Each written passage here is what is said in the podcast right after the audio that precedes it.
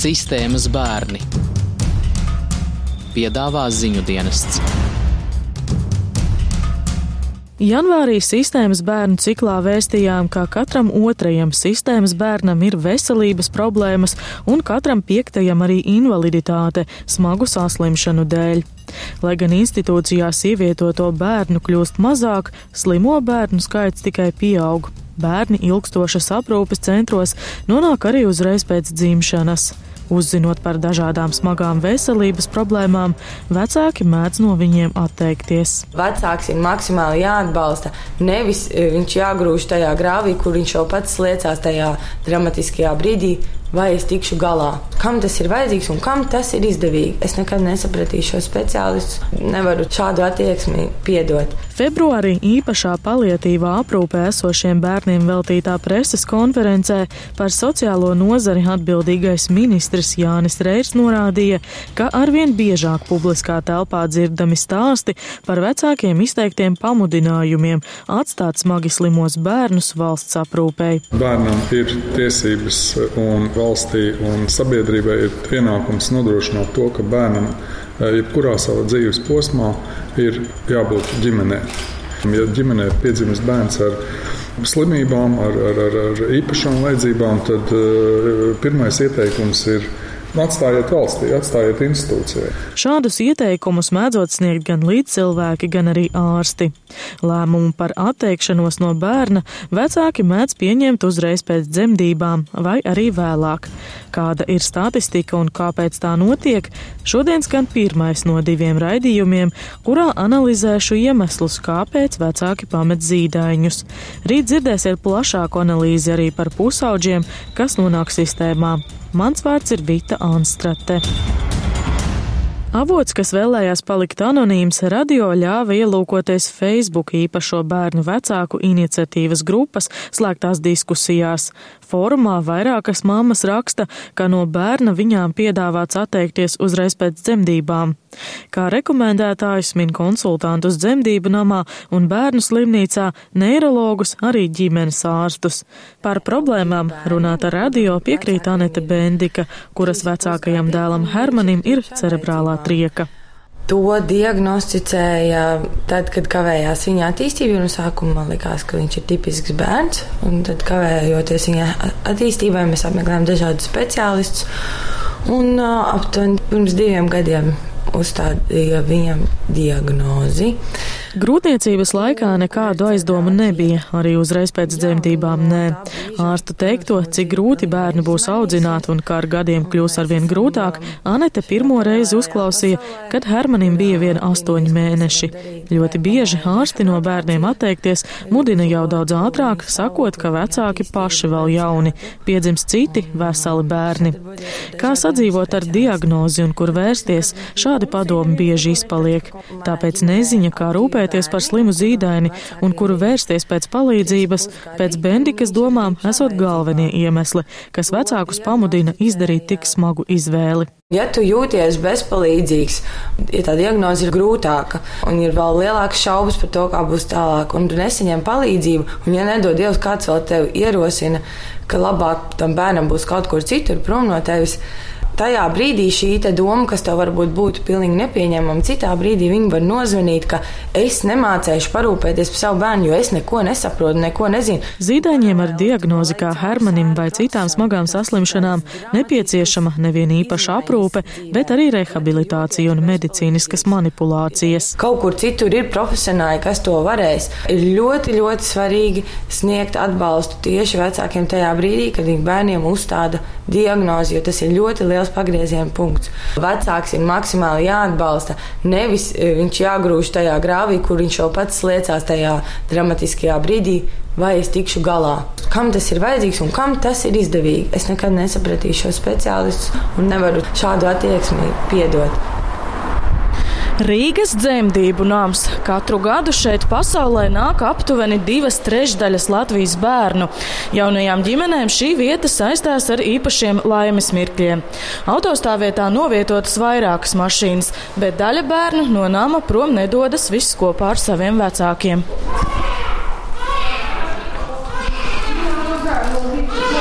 Statistikas par to, cik daudzi vecāki Latvijā atteikušies no saviem bērniem, nav. Jāspriež vien pēc aptuvenām aplēsēm. Dzemdību namā pēdējo piecu gadu laikā pamesti vairāk nekā 40 jaundzimušie, šogad jau divi. Nav zināms, cik daudziem no šiem zīdaiņiem bijušas veselības problēmas, jo šādus datus neapkopo. Tomēr slimības, arī smagas iedzimtas patoloģijas, nevēlēšanās rūpēties par bērnu un arī ekonomiskie apsvērumi esot galvenie iemesli šādai izvēlei, saka dzemdību namā. Vēl daļa māmu pēc dzemdībām aiziet, neko nepaskaidrodamas. Ar pārējiem vecākiem runā sociālā darbiniece Ingūna Ziemele, palīdzot izprast šī lēmuma skaudrumu un dodot iespēju pārdomāt. Nu, redziet, mēs nevienu nevaram ne pierunāt, ne atrunāt. Ļoti dažādas ir tās situācijas. Es domāju, ka man kolēģis neesmu dzirdējis, ka kādreiz kāds iesaka atteikties. Noteikti nē. Bet tas, ka vecākam ir jāsaprot, ka tas nebūs viegli, Tas nav viegls ceļš. Es pat arī gribētu teikt, ka varbūt nevis ārsti tā pasaka, ka jums vajag atteikties, bet redziet, man liekas, ka tas, ko saka ārsts, ir viena lieta, un tas, ko dzird mamma, reizēm var būt pavisam kaut kas cits. To, ka būs grūti audzināt bērnu ar smagām veselības problēmām, gan pasakot, bet mammas ārsta teikto mēdzot pārprast. Grūtības daļa vecāku paši apzinoties, un tad daudz par tām nav jāstāsta. Nepieciešamības gadījumā vecākus konsultējot arī psihoterapeits. Manuprāt, nu šobrīd tās atbalsta iespējas arī nu, vismaz Rīgas pilsētā ir, ir diezgan lielas. Tad pārējā Latvijā nu, es nezinu, kā ir. Šobrīd Rīgai nu, ir tomēr kaut kādas tās iespējas atbalstīt ģimenes, kurās ir bērni ar īpašām vajadzībām. Bet, ja tie ir reģioni, tas viss ir diezgan sarežģīti. Tajā brīdī tiešām ir vajadzīga tāda Hermaņa māma Anete Bendika. Tā rokai ir jābūt nevis pastieptai kaut kur tur ārā, bet viņai jāiestiepjas tavā dzīvē iekšā. Ļoti konkrētam atbalstam ir jābūt. Tā situācija var pagriezties ļoti dažādos virzienos. Pat pie vecākiem, kuriem, nezinu, liekas ļoti stabili. Nu, es nenosodu nevienu vecāku, kurš izdara dažādas izvēles, jo tas brīdis ir ļoti, ļoti šaubīgs un, un, un, un tu pats sevi nepazīsti tajā brīdī. Vēl daļa zīdaiņu sistēmā nonāk no glābējsilītēm. Arī tur ievietotie bērni ir kaut kur piedzimuši, nosaka dzemdību namā, pieļaujot, ka daļa bērnu varētu būt nākuši pasaulē tur. Daļa nāk arī no reģionālajām slimnīcām. Pie glābējsilītēm ar vecākiem, kas jaundzimušos izvēlas paši neaudzināt, gan neviens nerunā. Silītais dažādās Latvijas pilsētās pēdējo piecu gadu laikā atstāti 22 mazuļi. Tikai diviem no viņiem veselības problēmu dēļ bijusi nepieciešama ārsta palīdzība. Kā tas ir izšķirties audzināt bērnus ar smagām diagnozēm un kāda ir vecāku saskarsme ar mediķiem, to savā maģistra darbā pirms trim gadiem pētīja sociāla antropoloģa Agrita Bikaviņa. Vienu vasaru viņa pavadīja kopā ar vecākiem īpašā rehabilitācijas nometnē un intervējot piecas mammas, secināja, ka viņām visām atteikties no zīdaiņa piedāvāts jau uzreiz pēc dzemdībām rodas konflikts starp mediķiem un tiem vecākiem, kas, kas paši ar tiem bērniem cīnās. Ja mediķim tas bērns, ja viņš, viņš uz viņu skatās no tādas ķermeniskā viedokļa, ja kaut kas nav kārtībā, kaut kas nav salabojams, un viņi visi tie vecāki teica, ka viņi nav izjutuši tādu atbalstu no medicīnas personāla. Šeit jāatgādina Hermaņa māmas Anetes Bendikas teiktais, ka ārsti arī nemēdz sniegt vecākiem padomus, kur vērsties pēc palīdzības un kādi pakalpojumi viņiem pieejami. Piemēram, vienā epizodē, kurā Bika viņa fiksējusi Santas un Alises pieredzes. Santas bērnam ir Dauna sindroms, bet Alises dēlam smagi smadzeņu bojājumi. Piedzimstot slimiem zīdaiņiem, neviena no viņām nezināja, kāda īpaša aprūpe nepieciešama. Šo informāciju nav varējušas saņemt no ārstiem. Palīdzējis interneta fórums, kurā iepazinušās ar citiem vecākiem. Tā vietā, lai klāstītu vecākiem diagnozes, ārsti varētu savest kopā ar vajadzīgajiem speciālistiem, sociāla antropoloģija teikušas Santa un Alise. Tāpēc es sajūtu, ka tur tas konflikts ir, un, un tieši tās nometnes laikā, kas akritā, ka tur pat blakus notiek ģimenes ārsta ballīte, tad ļoti varēja novērot tādu tādu, tādu emocionālu sakāpinājumu, ka rekā viņi tur pat ir un viņi tur tagad dzied karokas un priecājās, un mēs treko darām, tāpēc, ka mums pateica vispār atdodiet. Bika viņa ārstu viedokli savā darbā neskaidroja. Uzrunāju Latvijas ārstu biedrību, tā atsevišķi nevēršot uzmanību uz kādu konkrētu ārsta profesiju, bet lūdzot skaidrot mediķu motivāciju un viedokli par šādām situācijām kopumā. Piemēram, pētniece Bika, viņa nebūdama iesaistīta šādos konfliktos, pieļauj, ka ārstu rīcība nav ļaunprātīga. Ārstu biedrība sarunai deleģē tās ētikas komitejas vadītāju Vilni Dzērvi Talutu, ar kuru tiekos biedrības birojā. Ārsts atklāja, ka ētikas komitejā nesot saņemtas pacientu sūdzības par mediķu ieteikumiem no zīdaiņiem atteikties. Esot tādi gadījumi, kad ārsti iesaka bērnus nodot valsts aprūpei, bet uzsvars liekams uz vārdiem tikai iesaka. Par ētikas pārkāpumiem būtu iespējams runāt vien tad, ja ārsts izteiktu savu viedokli, rūpīgi neizvērtējot pacienta veselības stāvokli un slimības prognozes nākotnē. Ja viņš nav izpildījis šo pienākumu un nav pietiekoši izzinājis bērnu veselības stāvokli, tad arī šīs rūpes par viņu veselību var būt paviršas, kas ir saistīts arī ar ētiku, neapšaubāmi. Ja? novēlēt mazam bērniņam dzīvi bērnamā tikai tāpēc, vien, ka viņam tā liekas.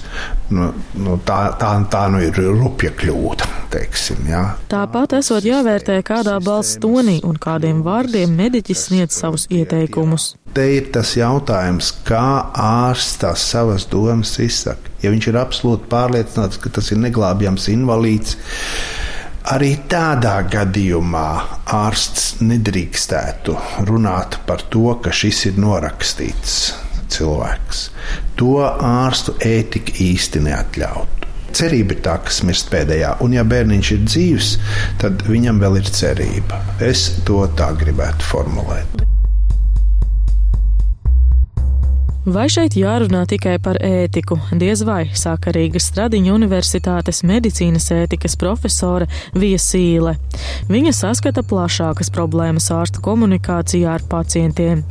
Par ētiku varot runāt, vien analizējot konkrētu gadījumu, sarunu starp vecākiem un ārstu. Katrā ziņā kopumā ārstu ieteikumus nevarot vērtēt kā neētiskus. Nesaprašanās starp bērnu vecākiem un ārstiem mēdzot rasties arī, piemēram, laika trūkuma dēļ, kas atvēlēts konsultācijām. Jūs runājat par sekām ka tas ir konflikts, ka tā ir neapmierinātība un viss pārējais. Vispārīgi mēs te neko nevaram definēt. Pat nedrīkstam, ja mēs atkal piesaucam ētiku. Nav abstrakta pacienta, nav abstrakta ārsta. Tas ir konkrēts bērns, konkrēts gadījums, individuāls gadījums. Vispārīgā veidā ētikā neko nerisina. Tādā nozīmē, ka pieņemot lēmumu vai iesakot vecākam pieņemt lēmumu tādā vai citādā virzienā. To analizēšu nākamajā raidījumā. Ar ārstu ieteikumiem bērnu ievietot aprūpas centrā jau zīdaiņa vecumā gan viss nebeidzas. Šādas rekomendācijas mēdz saņemt arī smagi slimo pusauģu vecāki. Valsts sociālās aprūpas centros Latvijā uz vecāku iesniegumu pamata šobrīd ievietoti 94 bērni. Bieži progresējot psihiskie traucējumi un vecāki nevarot nodrošināt mājās nepārtrauktu uzraudzību, kā arī bērnu drošību, jo ir arī jāstrādā, atbild centri. Tie par bērnu aprūpi mēnesī saņem vairāk nekā 1000 eiro. Bet vai tie ir vienīgie iemesli? Par to plašāk nākamajā raidījumā ceturtdien. Vīta Anstrate un Uldis Grīnbergs ir šī raidījuma autori. Nobeigumā šī stāsta varonis - mammas Anetes Bendikes pārdomas par dēla pusauģa audzināšanu, kas izrādās daudziem vecākiem ir lūzuma punkts. Jo vecāks kļūst bērns, jo grūtāk paliek. Es nevaru pat prognozēt, kā būs tad, kad viņam ir 12 gadi, un man viņš tāpat būs jācielā un jānes. Un, ja vecāki ir ilgstoši atstāti bez atbalsta, tad izdegšana ir milzīga, un tu vispār neredzi, kādu dzīvi tālāk būvēt. Nemaz nerunājot par to, kas notiek, kad bērns sasniedz 18 gadu vecumu, un kad ir tas, ko arī ASV sauc par krišanu no klints, beidzās pabalsti, viņš vairs nav bērns, pārliekās citāda veida pabalsti, cita veida pakalpojumi. Darbības vārds īstenības izteiksmē izsaka darbību kā realitāti. Tagatnē, pagātnē vai nākotnē vai arī to noliedz.